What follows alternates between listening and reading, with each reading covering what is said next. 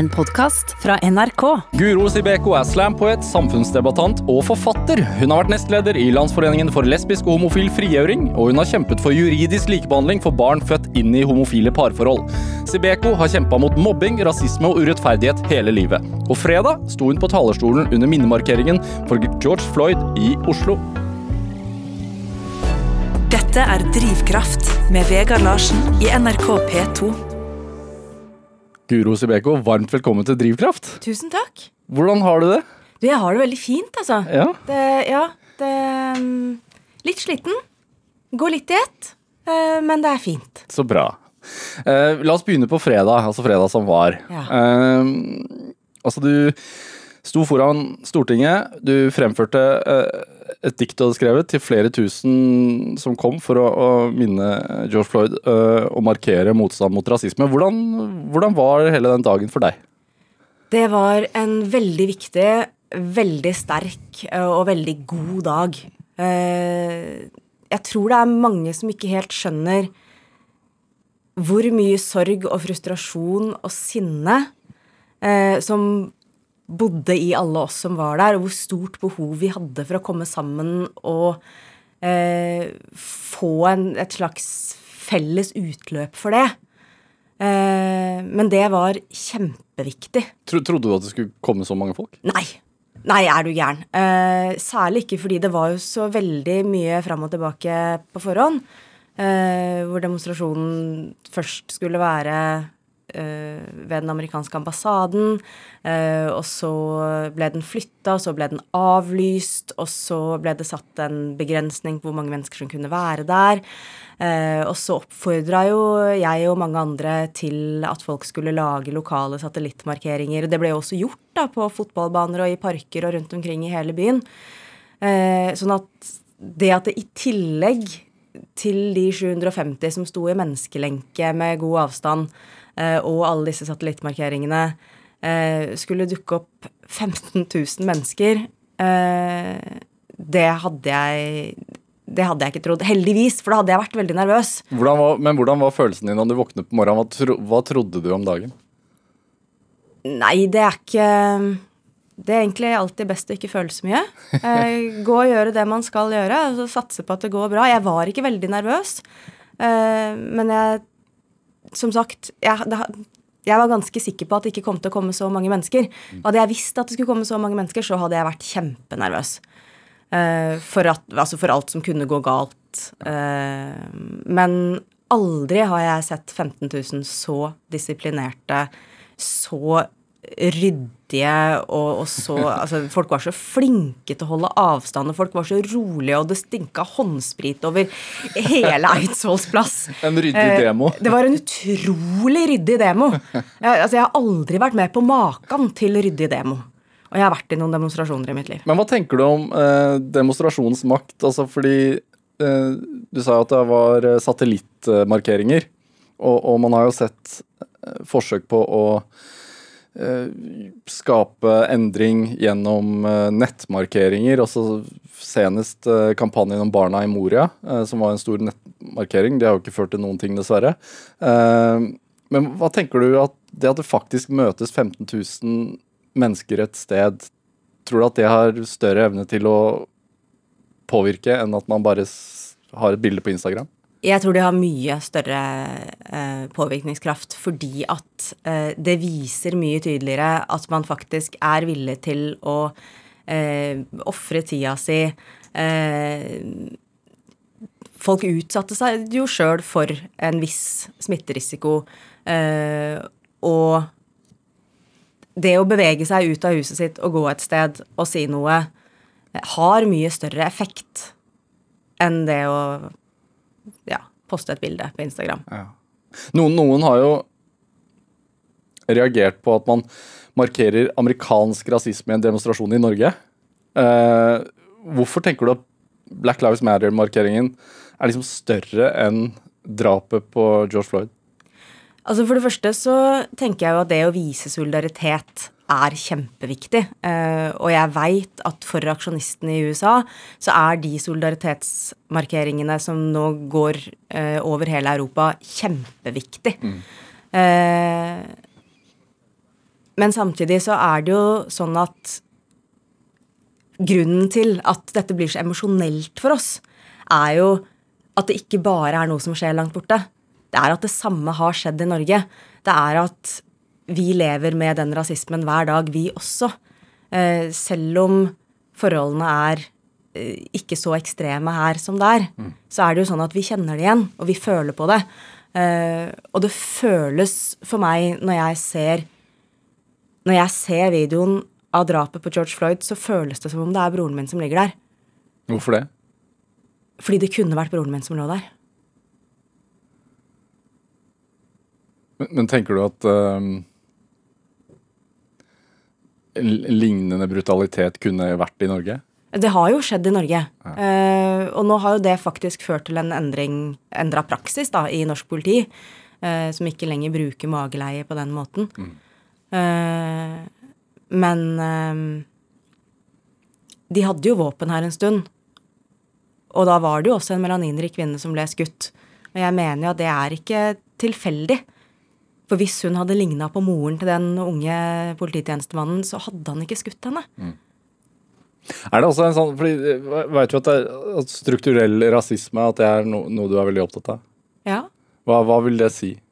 Eh, det vil si at i samfunnet vårt eh, Altså, strukturer består jo av mennesker.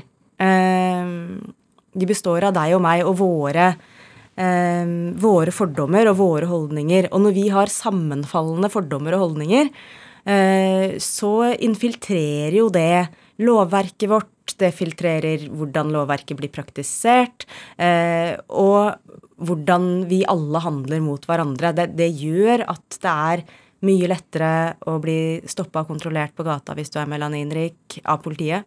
Eh, det gjør at eh, man ikke har fått på plass en kvitteringsordning for sånne, stopp, eh, sånne korte kontroller, hvor, sånn at politiet kan f.eks. stoppe den samme 14-åringen 14 ganger på en uke. og han kan ikke bevise at det har skjedd. Det fins ingen statistikk. ikke sant? Mm. og det handler om at veldig få mennesker med makt ser det behovet, fordi at det er ikke deres 14-åring. Eh, på samme måte så er det vanskeligere å få leid seg en leilighet hvis man er melaninrik, og det er jo ikke fordi hver enkelt utleier sitter hjemme og tenker at jeg skal faen ikke leie ut til de jævla eh, Det er jo ikke der det ligger. Det bare er det at de har mer lyst til å leie ut til noen andre. Mm. Eh, fordi de har sammenfallende eh, fordommer. Eller det kan være et navn når man søker på jobb, da. Eller det kan være når man søker på jobb og man har et navn. Eller det kan være når man er barn og sitter i et klasserom og opplever at alle lærerne ser mer på deg enn på de andre barna. Det er ikke fordi de enkelte lærerne er slemme, eh, men vi har sammenfallende holdninger. Jeg også har det. Eh, Hvilke holdninger har du, da? Altså, jeg er jo også rasist eh, inni meg. For jeg har jo vokst opp med den samme litteraturen, de samme TV-showene, eh, den samme politikken i det samme samfunnet som alle andre. Så jeg har jo også fått eh, den samme kulturelle bagasjen, da. Eh, så jeg også, som lærer, har f.eks. tatt meg selv i å faktisk se mer på de melaninrike guttene enn på de hvite jentene når jeg leiter etter hvor trøbbelet kommer til å komme fra. Og det er jo forferdelig. Ja, altså. Fordi det man ser etter, det finner man jo. Sånn at da ender man jo opp med å få forsterka sine egne fordommer ikke sant? og få bekrefta at jo da, det er sånn. fordi at når jeg har sittet og sett på han lille nede i hjørnet der eh, kontinuerlig i 15 eh, minutter, så har han gjort noe gærent. Det har selvfølgelig hun der lille jenta nederst i det andre hjørnet også, men henne har jeg ikke sett. Nei. Og du har gjort det ubevisst, egentlig? Jeg har nok gjort det ubevisst i mange, mange år. Eh, Fram til jeg leste en artikkel Eh, eh, hvor da forskere har oppdaga at dette skjer i klasserom. Og så tenkte jeg ja, det er godt at sånn gjør ikke jeg. Eh, og så gikk jeg på jobb. og så tok jeg meg å gjøre akkurat det. Ja. Du, du, bruker um, ordet melaninrik. Um, og, og altså, melanin er jo grovt sagt da, fargepigment i huden, er det ikke det? Jo. Ja. Uh, hvorfor liker du å bruke det? Eh, jeg liker det fordi det er inkluderende. Og når vi snakker om rasisme, så syns jeg det er veldig nyttig å ha et ord som på en måte inkluderer alle som ikke er hvite. Uh, Hvor melaninrik er jeg? nei, altså Jeg velger jo å bruke hvit fordi at de fleste hvite syns det er det hyggeligste, den, den hyggeligste måten å bli betegna på. Men jeg har jo også sett melaninutfordra. Uh, Jeg er ganske, rød, jeg er ganske sånn rødmusset i huden. Så kanskje, kanskje litt melaninutfordra, du. men, Nei, men også, også da, så er, er det jo sånn at melaninrik er et positivt ord. Eh, og melanin er en positiv ting. Det gjør at jeg, får, eh, jeg har mindre sjanse for å få hudkreft og eh, får jo mye seinere rynker og Så det, det er fint å ha mye melanin i huden. Ja. Tenker du at ord er Altså det er veldig vesentlig at man begynner der? Jeg tenker jo at språket former tankene våre. Ja. Eh, På samme måte som tankene former språket. Eh, Så det å bruke positive ord om eh, melaninrik hud, og det å snakke om at huden er rik, mer enn at den er mørk, f.eks., som jo er et ord som på norsk ikke har så positive konnotasjoner. Altså, vi er jo vokst opp med kampen mellom det gode og det onde er lik kampen mellom det lyse og det mørke. Så er det, men- men vi har jo Det er jo noe så rart med oss mennesker, for vi har et behov for å beskrive. Ja, øh, det har vi jo. Det er jo ikke så rart. Nei. Skal vi kunne tenke om verden, så må vi kunne beskrive verden. Ja. Er det og det, det er naturlig å beskrive det man ser, men hvor, hvor, hvor forsiktig skal man trå, tenker du? Når man, beskriver, man skal beskrive en person til en annen. Nei, altså Hvis du snakker om å beskrive enkeltindivider, Ja. øh, så tenker jeg jo at man skal prøve å holde seg til det som er relevant. Eh, og veldig, veldig ofte så er jo ikke hudfarge relevant. Eh, og så putter man det liksom på eh, fordi man er vant til å være så opptatt av det. ja. Man sier ikke så veldig ofte Hvis man skal beskrive en person, så sier man ganske sjelden, i hvert fall i norsk sammenheng, at han hvite fyren Ja, eh, fordi hvithet er liksom norm. Ja. Og hver gang du påpeker melaninrik hud der hvor du ikke ville påpekt hvit hud, eh, så forsterker du at hvithet er norm. Det er det, er det vanlige. Eh, så jeg har jo eh, I boka mi 'Rasismens politikk' så har jeg jo veldig med vilje gjort det motsatte. Jeg påpeker når folk er hvite. Eh, og det var litt deilig og befriende. Eh, altså, du er opptatt av ord, eh, og på markeringen på fredag, altså i demonstrasjonen, så du fremførte jo ord. Eh, Du fremførte et dikt, du er slampoet. Eh, var det viktig for deg å si noe der? Jeg er veldig takknemlig for at jeg fikk lov til å si noe der. Det, det var veldig godt, et veldig godt fora å uttrykke seg i. Um, og det var jo et helt fantastisk publikum. Det var en energi på den plassen som jeg tror jeg kanskje aldri har opplevd før. Hva var det du eh, sa i, i diktet ditt, da? Vil du høre det? Ja, jeg vil gjerne, gjerne høre det. Ja? ja. Ja, du kan det. ja. I can't breathe. Og uten pust, ingen stemme, lukker øya for å glemme hvordan asfalt kjennes mot kinnet. Minnet er svart som om det var nylagt, ruglete hardt på lag med avmakt. My chest hurts fordi hjertet er blottlagt. My stomach hurts fordi feeden er teppelagt av kropper som min som er knuste og ødelagt. My neck hurts for den har tusen knær på. Everything hurts. For jeg er ikke brun, jeg er gul og blå, så please, har du pust? La den bli til en stemme. Please, husk det samme har skjedd oss her hjemme. Krev rettferdighet for Obiora. Vi har ikke lov til å glemme.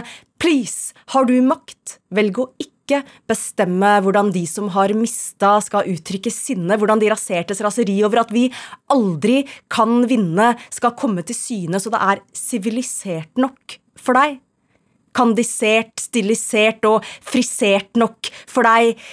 Please, har du en hvit kropp? Bruk den til å verge de andre. Please, har du nok? Bruk overskuddet til å forandre verden før den går opp i gnistrende flammer. Please, slutt å føle at du fortjener fullt spiskammer, mere enn oss som har rikere hud. Please, hvithet gjør deg ikke halvt Gud, så lytt når melaninrike prater til deg. Les det vi har skrevet, for vi blir så sjukt lei av å forklare de aller mest grunnleggende ting. Og er det ingen av oss på arbeidsplassen din, så fortell sjefen din at dere har et problem, for sånt er aldri tilfeldig, det er alltid system. I didn't do anything. Men så gjør noe, da. I didn't do anything. Si for faen ifra. I didn't do anything. I can't breathe. I can't Dette er Drivkraft med Vegard Larsen i NRK P2. Og i dag så har vi forfatter og slampoet Guro Sibeko her hos meg i Drivkraft på NRK P2. Vi hørte akkurat diktet du fremførte under demonstrasjonen i Oslo på fredag. Ja. Det var sterkt. Takk. Er det sterkt for deg å fremføre? Ja. Det er jo lettere å fremføre her i studio enn det var eh, på fredag. Da, da gikk jeg av uh, scenen og satt på en uh, sånn elboks og skalv i ti minutter. Uh, så nå kan jeg prate. Det, Ja. Ja. Er det hva, hva Altså, jeg hører jo ordene dine, og jeg hører hva du sier. Kan du oppsummere hva, hva Altså, hva du sier i, i, i diktet? det er jo ikke så lett, kanskje. eh, Men hvilken Kanskje- en, en, endring kan- kan- er det du etters, etterstreber i diktet ditt? Jeg ønsker meg jo mer kamp mot rasisme, flere allierte i kampen mot rasisme, eh, og ikke minst flere gode allierte i kampen mot rasisme. Altså flere hvite mennesker som har lest og sett og hørt og diskutert nok om rasisme til at de kan føre kampen mot rasisme på en god måte i sitt eget liv og inni seg sjøl og eh, ute i verden. Hva tenker du om at i ettertid så har det vært mest diskusjon rundt om det var smitte, smittefarlig eller ei? Jeg tenker jo at det er veldig typisk, på samme måte som at etter at en av oss ble drept i fjor høst av en nynazist, eh, så handler hele diskusjonen om håndhilsing. Eh, det ligger jo en ekstrem motvilje i store deler av det norske samfunnet mot å faktisk snakke om rasisme. Eh, og alle vikarierende motiver man kan bruke for å bare snakke om noe annet, hva som helst annet enn rasisme, får mye medvind. Fordi- det er lett.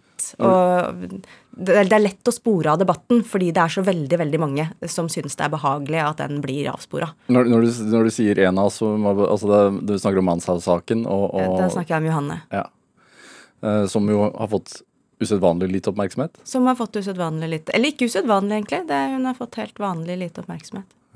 Hvorfor tror du altså sånn Man marsjerte da Benjamin Hermansen ble drept. Hvorfor gjorde man ikke det denne gangen, tror du?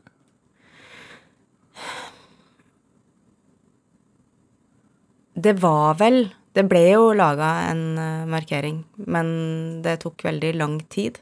Um,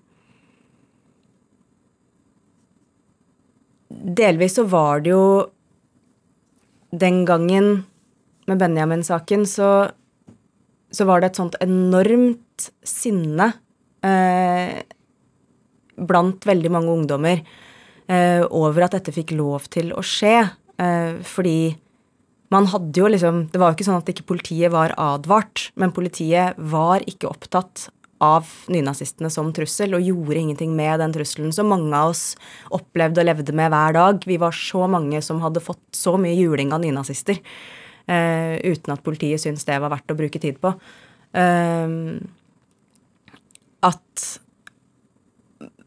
man hadde vel et slags momentum av sinne og fortvilelse, og ikke minst tro på at nå må de vel se. Nå må de vel forstå at dette er farlig, at rasisme dreper. Men siden så har vi jo hatt Utøya. Og jeg føler i hvert fall at hvis de ikke skjønte det da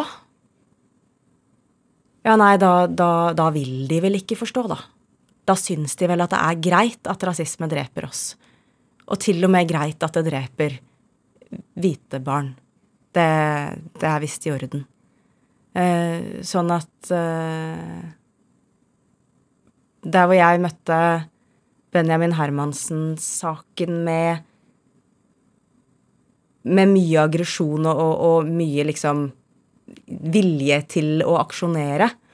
Eh, så etterlot drapet på Johanne meg mer bare fortvila og sliten og motløs. Men fikk du mot igjen eh, på fredag, da? Fredag hjalp. Fredag hjalp. Men jeg er nok fortsatt veldig mye mer motløs enn jeg var på begynnelsen av 2000-tallet. Eh, for det er jo litt sånn at hvis 77 liv fortsatt ikke får folk til å skjønne hvor farlig dette er, hva, kan vi gjøre? Hvordan mener du at man ikke ser hvor farlig det er? Nei, altså i alle årene etter så har jo eh, PST fortsatt sett på nynazisme eller høyreekstreme som en liten trussel mot det norske samfunnet. Eh, rasismen får blomstre. Eh, Frp vinner valget. Og det er jo ikke fordi alle som stemmer på Frp er rasister, men det er fordi alle som stemmer på Frp syns at det er greit med litt rasisme hvis de bare kan få kjøre billigere gjennom bomringen. Altså, det, det, det, Ja, det jeg, jeg, blir litt sånn sliten og motløs. Tenker du at eh, Altså, tror du at eh, alle demonstrasjonene som er i, i, Europa nå, også i Norge, tror du at det vil føre til noe endring? Jeg håper det. Uh, og på en måte så har du allerede, det har jo allerede ført til endring. Uh, det er allerede endringer på gang i mange stater i USA, så der skjer det jo faktisk ting. Uh, jeg har tro på at vi kan klare å få til en kvitteringsordning for politiet. Hva vil det si? Det, det vil si at politiet må eh, levere fra seg en kvittering på at de har kontrollert noen når de har kontrollert noen, og at det skal registreres. Sånn at man kan føre statistikk på Antall. de kontrollene. Ja. Uh, og Eh, jeg har jo også håp om at man skal få laga en regel som sier at hvis politiet stanser og kontrollerer barn eh, I hvert fall hvis de gjør noe mer enn å snakke med dem. Hvis de f.eks. tar dem inn i politibilen og, og eh, stripper dem og, og, sjekker hva de har på seg. Når, når, de gjør det med barn under den kriminelle lavalderen, at foreldrene skal få beskjed. Jeg syns jo det er ganske sjokkerende at tolvåringer Eh, kan ha sånne møter med politiet uten at foreldrene deres vet at det har skjedd. Hva tror du at det kan føre til, da? Det betyr jo at foreldrene ikke får mulighet til å støtte barna sine, til å snakke med dem, til å høre eh, Både høre hvorfor skjedde det, hadde du faktisk gjort noe du ikke burde ha gjort? Var du et sted hvor, som ikke er det stedet du sa til meg at du skulle være, f.eks.? Mm. Eh, men også eh, Var det en skremmende opplevelse for deg? Får du sove i natt? Går det bra, liksom? Og det er jo en type støtte som foreldre har plikt til å gi til barna sine, og da er det jo ganske vanvittig at, at de ikke får den muligheten, da. Mm. Er det, altså, du, du snakker jo om eh, hvordan politiet håndterer dette her, men er det altså du er, Jeg vet du er opptatt av noe du kaller mikroaggresjon. Ja. Er det vel så viktig? Altså Bør man begynne der? Det er der? også viktig. Hva, hva, tenker, vi må begynne overalt. Ja, hva, er, liksom hva er mikro, mikroaggresjon? Eh, en mikroaggresjon er eh, en liten eh, handling, eh, ofte en språkhandling, altså noe man sier, eh, som markerer utenforskap. Eh, det er de små, små tingene eh, som gjør at jeg aldri kan bare gå på en fest eh, uten å være forberedt på å måtte forsvare min plass i verden og min plass i Norge og mitt språk og min familie og min virkelighet. på en måte. Ja, For da får du ofte høre 'hvor kommer du egentlig fra'? For eksempel. Ja. Eh, og de aller fleste mennesker kan faktisk dra på fest uten å måtte dra fram hele slektshistorien sin. Eh, men, men, det altså, men, men, det, men, det, kan jo også i, i, veldig mange tilfeller så er det sikkert det hyggelig ment. Det er akkurat det der. At veldig man, mange mikroaggresjoner er hyggelig ment. Også de mer absurde. Altså øh, Når noen sier øh, så fantastisk at du snakker så godt norsk. Så er det jo hyggelig. De, de mente det som et kompliment, faktisk. Men det var jo ikke det. Eh, eller når noen sier eh, Du er veldig pen til å være så brun. eh, så, også de, de, tenkte at det var et kompliment. Eh, det bare var ikke det. Eh, ofte så skal jo folk hjelpe. Men, men, det er jo en, altså, men det å spørre sånn hvor, eh, hvor du egentlig kommer fra, kan jo bare være fra Jeg er interessert i deg, kan du fortelle meg litt mer om livet ditt? Ja. Men, men du tenker at det er feil? Nei, det er ikke Altså, hvor kommer du fra? Eh, er et spørsmål vi ofte stiller til hverandre. Mhm. Eh, Jeg kunne stilt det til deg hvis du hadde dialekt. Ha, ha, har en serpedialekt inni, ja. inni her et eller Ja, annet jeg hører den dårlig, altså. uh, men uh, Men det er noe med, for det første, når passer det seg uh, å begynne å grave i fortida til folk og hvor de er fra, og hva de driver med? Eh, og for det andre, å akseptere det svaret man får. Hvis jeg sier at jeg er fra Skjetten utafor Lillestrøm, og det er jeg ikke så stolt av eh, Jeg er mer stolt av det nå. Skjetten har blitt et mye bedre sted de siste åra. Men, eh, men eh, det å da slippe å få høre 'hvor er du egentlig fra'? Ja, men egentlig, ja, men foreldrene dine, hvor er de fra? Fordi det er ikke et naturlig spørsmål å stille hvis det er meg du vil vite noe om. Det, bør man begynne der allerede? Altså, det, det er de små tingene som lager stor endring, er det ikke det? da? Det er i hvert fall veldig lett å gjøre noe med. Ja. Det, dette er ting som er veldig, veldig enkelt å bare slutte å drive med. Er det Du nevner Skjetten. Det er fra Romerike. Ja, Skjetten ligger på Romerike. Ja. uh, og du har jo altså Du nevnte det i stad. Altså, du gitt ut en bok som heter 'Rasismens poetikk'. Som er en blanding mellom dikt og sakprosa. Uh, og den handler også mye om oppveksten din, gjør den ikke det? Eh, noe. Ja. Eh, jeg bruker jo fortellinger eh, fra livet mitt, liksom. Eh, ikke så veldig, veldig mange barndomsfortellinger, men noen. Men jeg har jo skrevet bok om faren min også, Ja. og, og i den boka blir jo jeg født. Så jeg har jo beskrevet eh, barndommen min i bokform. Jeg tenker Vi skal snakke om den boka som du har skrevet om faren din. eh, men jeg syns vi skal høre litt musikk først. Ja. Du, du har med en Tracy Chapman-låt. Ja, Jeg syns den passa. Ja. Hvilken er med? Eh, Talking about a revolution, selvfølgelig. hvorfor det, er, det ligger kanskje i tittelen, ja, men hvorfor er passer det? Men hva betyr den låta for deg? Hvorfor er du glad i den?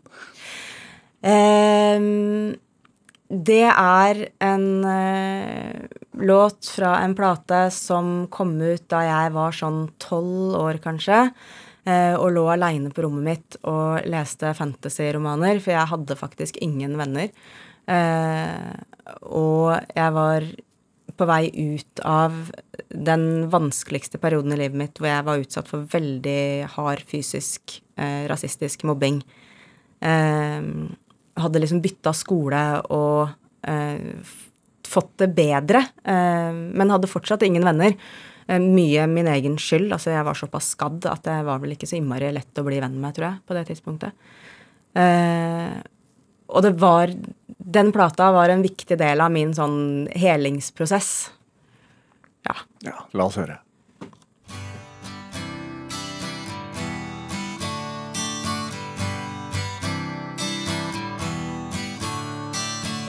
Don't you know? We're talking about a revolution. It sounds like a whisper. Don't you know? Talking about a revolution. It sounds like a whisper. While they're standing in the welfare lines, crying at the doorsteps of those armies of salvation, wasting time in the unemployment lines, sitting around waiting for a promotion. Don't you know? Talking about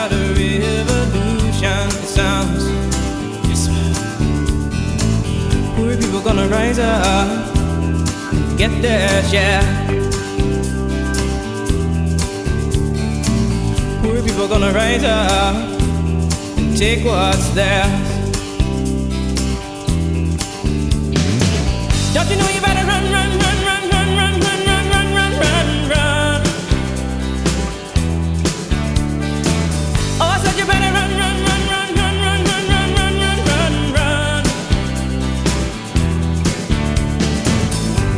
finally the tables are starting to turn.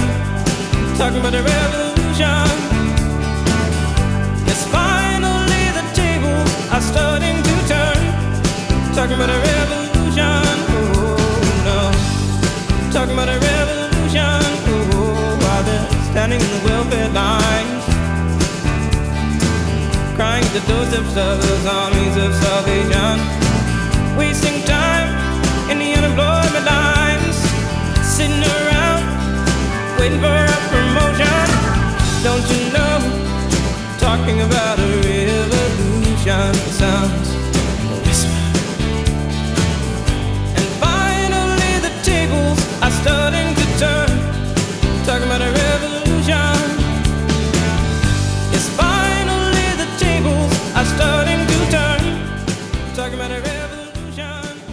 Ja, du fikk eh, Tracy Chapman med 'Talking About a Revolution' her i Drivkraft på NRK P2. Og låten er valgt av dagens gjest i Drivkraft, nemlig forfatter og poet Guro Sibeko. Hvilke bilder gir den låten deg? Nei, så som jeg sa, da, så lå jeg jo eh, på senga mi og leste fantasy. Jeg leste hele Hobbiten og hele Ringenes herre eh, til denne plata. Eh, så når jeg hører den og lukker øya, så er det bare hobbiter og trollmenn. Ja, Det var en slags revolusjon i, i The Shire òg, var det ikke? Jo, en slags Det sto, sto opp imot onde krefter. uh, uansett, uh, så det vi var innom så vidt før vi spilte låta, er jo at du uh, har skrevet en bok om faren din eh, som, som kom ut i 2013 som het 'Krigerhjerte'. som, som handler om historien og reisen til faren din. Ja. Hvor starta den historien? Nei, den starta i en støvete liten landsby som heter, som het Frede. Eller utafor.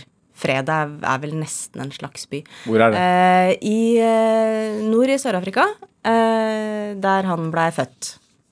Eh, og så eh, gikk den via den eh, bydelen i, Johannesburg som blei jevna med jorda, Sophia Town, eh, til Soweto, til syvendagsadventistenes kostskole i eh, KwaZulu-Natal. Eh, til ANC, om Konto Siswe, over hele Afrika, eh, Russland, eh, Vietnam eh, Ja, Ukraina eh, og til Norge. Om, ganske omfattende reise. Ganske omfattende reise. Ja. Eh, Men hva, hvor starta, starta den hos deg? Hvorfor tenkte du at Altså, Du hadde jo skrevet bøker før, og så tenkte du nei, nå skal jeg skrive faren min sin historie. Det tenkte jeg overhodet ikke. Eh, eh, Derimot tenkte faren min at det var en god idé at jeg skrev hans historie. okay. Og det tenkte han på et tidspunkt hvor vi ikke var sånn kjempenære eller veldig gode venner. Vi hadde egentlig hele mitt voksne liv unngått å være i samme rom altfor lenge, fordi da begynte vi bare å krangle. Eh, Hvorfor det? Nei, det, vi hadde noe Vi hadde noen gamle uenigheter, og, og my, det var veldig mye såre følelser som lå der fra jeg var sånn 13-14-15. Uh, ja. Uh, sånn at vi, eh, vi var grunnleggende ganske sånn sure på hverandre og skuffa over hverandre. Eh, så jeg tenkte først at det var en utrolig dårlig idé at jeg skulle skrive bok om han. Eh, for da måtte vi jo nødvendigvis sitte i samme rom i mye mer enn en time av gangen. Hvorfor ville han at den skulle bli skrevet? da? Eh, han syns jo, og det er jeg, var jeg jo er helt enig i, eh, at det er en historie som bør fortelles. Det er en historie om Norge og verden. Eh, På hvilken måte da, tenker du? det er jo Altså, antiapartheidkampen var jo en kamp som veldig mange nordmenn var veldig involvert i. Eh, og Sør-Afrika er jo et land som veldig mange nordmenn vet veldig mye om og, og har et forhold til. Eh, det er jo ingen i Norge som ikke liksom kjenner til Nelson Mandela og hans kamp. Eh, sånn at eh, det å få den historien fra et litt annet perspektiv, da, eh, det tror jeg at kan være interessant for mange. Hadde du snakket med han om det før? Altså, jeg er jo vokst opp på hans historier eh, om kampen. Eh, men de historiene var jo veldig tilpassa barn. Ik ikke sånn som nordmenn ville tilpassa historier for barn. Eh, Hvordan er det, da? Altså, bestemoren min, eh, min norske bestemor, var veldig eh, Hun syntes det var fælt at pappa drev og fortalte oss om alle gangene han rømte fra fengsel og sånn. Men i hans historier så var det liksom det var bare dumme fengselsbetjenter og smarte soldater som rømte fra fengsel og klarte seg mot alle odds, og, det gikk alltid bra til slutt. Og det var, det var liksom ingen Det var ikke den historien du ville skrive? Nei, og det var ikke den historien han ville fortelle heller, ikke sant. Uh, så den, den faktiske historien, uh, hvor du faktisk kan få et inntrykk av hvor tøft og vanskelig det var, uh, den hadde vi aldri snakka om. Hvor tøft og vanskelig var det? Veldig. Går det an å sette ord på det? Eh, jeg tror jeg skal nøye meg med å si at jeg heter Guro Jablisile Siveko, og Jablisile, det betyr den som gjorde oss aller lykkeligst. Uh, og det navnet fikk jeg eh, fordi jeg er min fars førstefødte. Uh, og etter det siste fengselsoppholdet så trodde ikke han at han kunne få barn. Ja, tror jeg skal Ja. nøye meg med det. Går det an å si noe om altså, hvem han var i ANC-sammenheng? Altså, han var jo eh, i utgangspunktet en veldig nyttig soldat, fordi han hadde en veldig god utdanning. Som sagt, han, eh, han hadde da gått på denne religiøse kostskolen. Og i Sør-Afrika så var det jo sånn at svarte eh, fikk eh, det som het Bantu education. Eh, alle statsstøtta skoler eh, var eh, forplikta til å gi eh, Bantu education, som da skulle eh, sørge for at man kunne regne nok til å handle i butikken, og det stoppa der, liksom. Eh, unntaket fra den regelen var jo da de religiøse utdanningene og de som skulle bli pastorer. Og faren min skulle bli pastor. Han ble faktisk pastor. Eh, for de skulle jo da kunne bygge menigheter fra bunnen av. Så de måtte lære eh, alt de trengte for å kunne bygge en kirke, lage en transformator, eh, legge rør og kloakkanlegg eh, og eh, sørge for mat til menigheten. Sånn at de fikk en veldig, veldig bred, eh, praktisk retta, men likevel eh, også veldig teoretisk utdanning, da. Du skal kunne en del teori for å bygge den transformatoren. Og i tillegg så fikk de jo selvfølgelig en veldig grundig historieutdanning. Det var religionshistorie, men det ligger mye historie i religionshistorien. Er det Altså, han, han vokste jo opp under apartheid, han var jo, eh, kjempet jo mot hva, hva, hva har han lært deg om, om forskjellsbehandling og rasisme og den kampen? Hvor mye kampglød som er i deg, har du fått fra han? Eh, Det meste, egentlig. Eh, fordi han lærte meg at rasisme er eh, en virkelig ting. Eh, at det ikke er min skyld, eh, men at det er min plikt å kjempe mot det. Mm. og det er en sånn ekstremt verdifull ting å ha med seg. Det er grunnen til at jeg skrev rasismens politikk.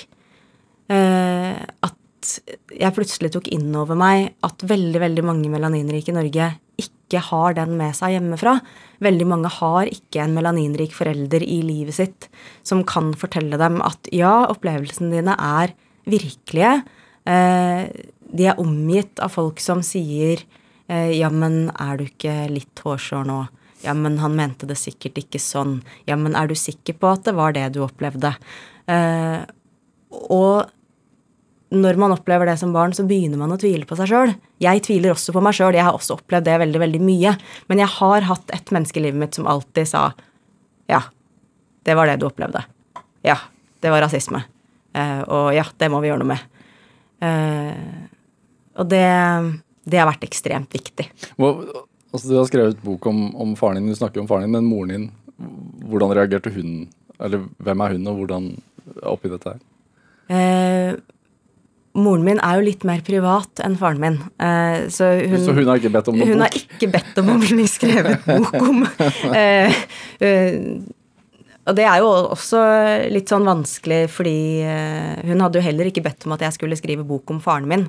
Det står så lite som overhodet mulig om moren min i den boka. fordi at det var ikke noe hun ønska, liksom. Det betyr ikke at moren min har vært mindre viktig for meg enn faren min. For det har hun ikke. Eh, moren min har mot alle odds tatt noen ekstremt gode valg eh, som har gjort at hun har kunnet være der for meg eh, gjennom hele livet, også gjennom den delen av livet mitt hvor jeg og pappa ikke klarte å snakke sammen i det hele tatt. Eh, og det har på mange måter vært like viktig. Eh, jeg tror ikke jeg hadde sittet her i dag hvis jeg hadde vært som veldig mange av de andre vennene mine på den tida, som ikke hadde en forelder de kunne stole på og kunne gå til, og som ville hjelpe dem alltid. Veldig mange av de er jo ikke her i dag. Men hva var det eh, Altså, moren din eh, hva, hva, hva jobbet de med da du var barn? Moren og faren din? Eh, moren min er sosionom. Ja. Eh, faren min eh, var først bilmekaniker, og så ble han ingeniør. Eh, og så ble han utsatt for en eh, ganske jævlig arbeidsulykke. Eh, så da burde han egentlig vært uføretrygda, men det skulle jo ikke han. Men, men hvordan, var, hvordan vil du bes- beskrive barndomshjemmet ditt? Det var jo et eh, Det var jo på 80-tallet. Eh, Hva vil det si? Eh, nei, altså barn på 80-tallet hadde større frihet enn barn i dag. eh, og voksne la seg mye mindre opp i livene våre. Eh, vi fikk mye mindre oppfølging i forhold til hva som skjedde på skolen, og hvordan ting var ute. Du hadde det ganske fritt, Det var liksom, ja, ja, eh, det var liksom ikke meningen at, eh, at foreldre skulle drive og, og bry seg så mye. Og jeg tror nok at mine foreldre brydde seg mer enn, ganske mye mer enn det som var normalen. Ja. Men Nei, det var rotete. Ingen av foreldrene mine liker å rydde. Det var koselig. Eh, det var et veldig åpent hus. Det var vanlig blant de andre unga i gata at man liksom bare fikk ha med seg én inn og sånn. Fordi de skulle ha det så ryddig og ordentlig. eh, Hva slags nabolag skulle var det på Skjetten? den gangen så var jo det et arbeiderklasse, hvitt arbeiderklassestrøk. Eh, hvor folk var veldig opptatt av å ikke bry seg om naboen, og ikke bry seg om det som skjedde rundt dem. Eh, folk satt i sånne små frimerkehager og lot som om de hadde villahage eh, med skylapper på, liksom, og lot som de ikke så hverandre. Eh, og det betydde jo også at ungene kunne gjøre akkurat hva vi ville. og ganske ofte så vil jo barn være litt slemme mot hverandre. Så det, det skjedde mye som ikke var, ikke var bra i det hele tatt. Men du eh, Men, men i, altså, i mitt hjem ja. så var det veldig åpent. Jeg kunne ha med meg så mange folk jeg ville inn. det kunne brødrene mine også, og det var ingen som brydde seg om det ble rotete. Eh, og så lenge det var mat i kjøleskapet, så var det mat til alle. Og kom noen på besøk på lørdag, så var det ikke snakk om at man ikke liksom delte lørdagsgodtet. Eh, ja. Hvem var du som barn? da? Du sier jo at du var glad i fantasy. Ja, da var jeg jo litt eldre, da. Ja. Eh, Jeg oppdaga fantasy da jeg var tolv. Har aldri sett meg tilbake. Men som lite barn så var jeg nok egentlig ganske Altså, jeg var veldig veldig uredd og ikke sjenert og sånn, men jeg var nok også Som i dag, med andre ord. Eh, jeg var nok også en ganske sånn redd unge. Jeg husker liksom hvordan jeg kom inn til pappa og gråt fordi jeg hadde fått juling av gutta i gata og sånn. Eh, men da lærte faren min meg å slåss. Så jeg fikk jo beskjed om at det var ikke, det var ikke greit å få juling. Med mindre man ga like mye som man fikk. Ja, Så jeg lærte meg jo det òg. Så etter hvert blei jeg en veldig, veldig tøff unge. Veldig tøff. Mye tøffere enn det, som, enn det barn egentlig bør være. Hva, altså, var det Altså, barn er jo Kan jo være slemme mot hverandre, men tenker du at det allerede da, som, som barn, at det var rasistisk motivert? At du fikk juling? Eh, ja, men kanskje ikke så direkte. Jeg tenker jo ikke at de barna valgte å banke meg fordi jeg var melaninrik, men jeg tenker at de valgte å banke meg fordi at de fikk lov til det av de voksne. Og de fikk lov til det av de voksne fordi jeg var melaninrik. Jeg tror du det? Ja, det vet jeg. Det er jeg 100% sikker på. Eh, jeg vet at veldig mange av de tingene de andre barna sa om min far, f.eks., det hadde de jo ikke funnet på selv. Det må være ting som ble sagt hjemme hos dem. Hva kunne det være? Eh, jeg har ikke lyst til å gjenta det. Eh, og jeg vet at hadde noen som ikke var melaninrik, blitt utsatt for de tingene jeg ble utsatt for på skolen, i skolegården, i klasserommet, så hadde det nok vært tatt affære på en helt annen måte. Eh, og det betyr ikke at de lærerne eller at rektor var ondsinna og ville meg vondt, eller at de liksom tenkte at eh, vi vil ikke ha sånne som deg her, eh, så det, er bra om du får juling. Eh, men det betyr at de tenkte at hvis jeg ikke hadde vært her, så hadde ikke dette problemet oppstått. Problemet ble lagt på meg, og ikke på miljøet, ikke på de andre elevene, ikke på verden rundt meg, da. Går det an å si noe håndfast om hva du ble utsatt for? For å forstå? Uh, nei, jeg fikk jo mye juling, da. Uh, sånn omtrent uh, daglig perioder. Jeg blei spytta på. det blei ropt eh, skjellsord etter meg når jeg skulle opp på tavla og løse et regnestykke i klassen i timen. eh, uten at noen gjorde noe med det, eller at lærerne greip inn. Eh, Ble utsatt for mobbing, rett og slett? Altså på, på alle vis? på alle vis, ja. Er det Altså, tenker du at mobbingen Altså, hva er det tatt fra deg, tenker du? Det har jo tatt fra meg muligheten til å stole på folk. Eh, og muligheten til å tro at folk vil meg godt. Eller nei, kanskje mer muligheten til å tro at folk vil gjøre meg godt. Litt sånn uavhengig av intensjonen deres, så er jeg liksom alltid forberedt på at eh, hvem som helst, når som helst, kan liksom skade meg. Er det Kan man bli kvitt det, tror du? Eller tror du at du kan bli kvitt den følelsen? Nei, det tror jeg ikke. Det, det tror jeg ikke. Og det I i tillegg har jeg to knuste kneskåler. Uh, det uh, Veldig mye arr.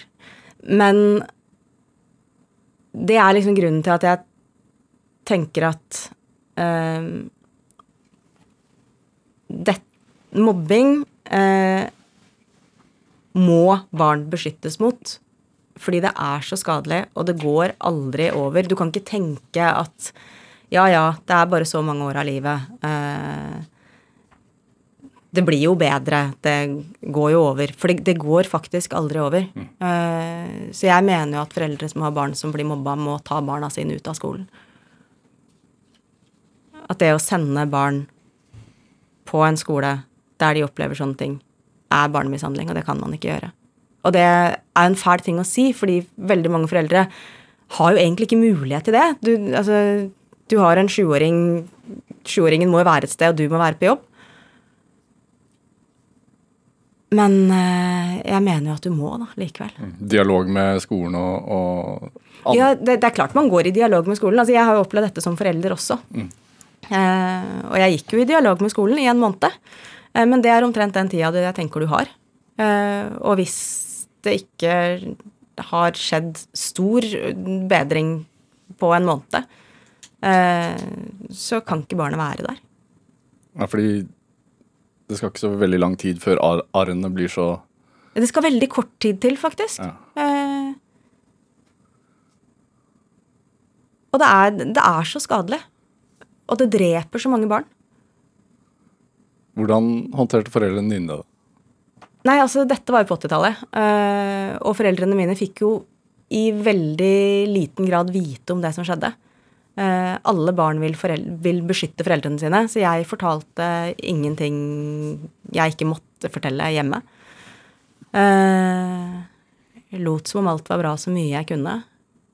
Og det var først da jeg eh, gikk til mamma når jeg var elleve og sa at eh, jeg skal slutte på skolen. Eh, det fantes en annen barneskole på Skjetten, eh, og jeg ville begynne på den. Eh, og hvis jeg ikke fikk det, fordi det var jo ikke fritt skolevalg den gangen på noen måte, eh, så ville jeg bare slutte på skolen. Eh, og det var først da at mamma i møte med skolen fikk vite eh, at jeg f.eks. da ble ropt N-ordet etter eh, i klassen. Eh, og at lærerne mine da uttrykte forståelse for at jeg ville slutte på skolen. Eh, de syntes tydeligvis ikke at det var noe de burde ha gjort noe med tidligere, men, eh, men de, de skjønte jo det, da, at jeg ikke hadde det så bra. Er det Er du fremdeles sint pga. opplevelsene dine? Ja. Eh, det heter jo Drivkraft, dette Programmet? programmet, gjør det ikke det? Ja, jeg er det. Eh, jeg har med meg et, eh, et raseri, og ikke minst en forakt for autoriteter. Eh, som jeg prøver å bruke konstruktivt. Ja, hvordan gjør man det? Hvordan lærer man å mestre et, et sinne og, og gjøre noe konstruktivt ut av det? Man må ha hjelp. Og jeg var veldig, veldig heldig. Eh, Jeg fikk bytte skole. Eh, Og på den nye skolen så fikk jeg en lærer som var et helt vidunderlig menneske. Eh, Som så meg, og som skjønte hva jeg sleit med, og som eh, ikke ga meg noen form for skyldfølelse for at jeg var så sint, eller for at For jeg var jo aldeles rabiat. Eh, men som tok meg til side og forklarte meg hvordan de andre barna virka. Hvordan dette opplevdes for de andre barna. Eh, og som lærte meg å se meg sjøl utenfra eh, på en måte som man må kunne da, hvis man skal kunne beherske sitt eget raseri og sine egne følelser. Eh, som gjorde at jeg kunne liksom begynne å ta eh, veldig bevisste valg på hvordan jeg ville være mot andre, og hvordan jeg ville liksom Når jeg ville vise frem at jeg faktisk forakter autoriteter, eh, og når jeg bare skulle la være med det fordi det ikke lønte seg. Eh, når jeg skulle slippe løs sinnet mitt, og når jeg bare skulle holde det inni meg fordi at eh, det var faktisk Altså, det ville treffe noen som ikke fortjente det. Og gjennom hele ungdomsskolen så var jeg veldig, brukte jeg mye tid og krefter på å ikke være et dårlig menneske. Legge meg til liksom vaner og handlingsmønstre som gjorde at jeg ikke var et rævhøl. Men du måtte si det til deg selv? Ja, jeg, jeg måtte jobbe med meg sjøl for ikke å være et rævhøl. Uh, og måtte alltid liksom check in uh, med, med fornuften på ok, uh, du har lyst til å grusebanke den fyren nå. Har han fortjent det? Eller er det Overreagerer du faktisk? Så det er litt sånn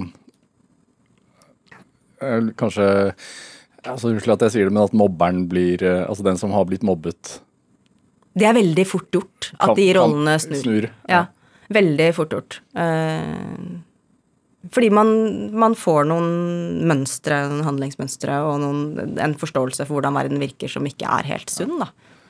Trenger du å bruke de samme teknikkene i dag, eller er du i send? Jeg er ikke i zen. Eh, det skal jeg ikke ljuge på meg. Eh, Men veldig mye av det har jo blitt automatisert. Eh, Det som handler om at om når det er greit å, gå inn og forsvare andre, og i hvilken grad jeg kan gjøre det og når og sånn, det, det føler jeg på en måte går på automatikken. Eh, å forsvare meg sjøl, da må jeg fortsatt liksom inn og sjekke med fornuften. Eh, både har vedkommende fortjent eh, mitt raseri, men også fører det til noe. Mm. hvem vil dette koste mest? Hva gjør du da? Altså, kan du gi et sinnemestringstips? La det være. Ja. Teller du til Bare ti, la liksom? det gå. Ja. Eh, men ja, telle til ti er alltid eh, La det gå. Eh, vent. Tenk. husk at liksom, den kommentaren på Facebook kan du også skrive om en time. Hvis du fortsatt har lyst. Hvis du fortsatt tenker at det er verdt det. Ja. Det tror jeg veldig mange som skriver på Facebook, trenger å lære seg. Ja, og det er, ikke, det er jo ikke så lett. Altså, jeg også ser, liksom, ser noe og, og vil liksom respondere umiddelbart. Uh, men jeg blir stadig flinkere til å gi meg sjøl tid til å tenke over om dette er en type emosjonelt arbeid uh, det er verdt å gjøre. Hvor, hva, kan det føre til at man blir flinkere til å fange opp barna som blir mobba? Færre selvmord er vel liksom først på lista. Færre narkomane.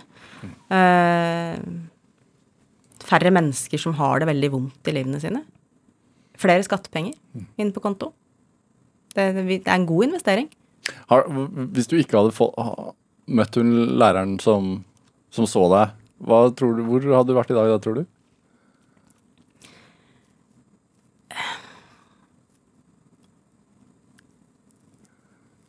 Det er jo mange steder i livet mitt hvor det kunne gått galt. Jeg har mange døde venner. Eh, så det er litt sånn vanskelig å si. Jeg tror kanskje ikke jeg hadde vært her. Eh, men det er jo ikke bare den læreren som gjør at jeg er her i dag. Eh, jeg har hatt mye gode folk rundt meg. Eh, den ballasten jeg hadde med meg fra pappa, den støtten jeg fikk av mamma, eh, den læreren, de vennene jeg etter hvert fikk, Blitz-miljøet, den virkelig redda meg. Uh, ja. Ting som gjorde at du har styrke nok til å stå foran 15 000 mennesker og prate. Så det er jo noe styrke inni der òg. Ja, det er det jo. Ja. Men det bor jo styrke i alle mennesker. Eh, men alle muskler må trenes, da. Guro Sebeko, en time går fort. Tusen takk for at du kom til Drivkraft. Takk for meg. Produsent i dag eh, er Kjartan Aarsand. Eh, Linn Bølstad bidro også sterkt til dette programmet. Send en e-post til drivkraftkrøllalfa.nrk.no eh, hvis du har noe tilbakemelding på programmet, eller hvis du har tips til en gjest du syns har inspirerende drivkraft. Følg oss også på Instagram på NRK Larsen. Vi høres. Du har hørt en podkast fra NRK. Hør flere podkaster og din NRK-kanal i appen NRK Radio.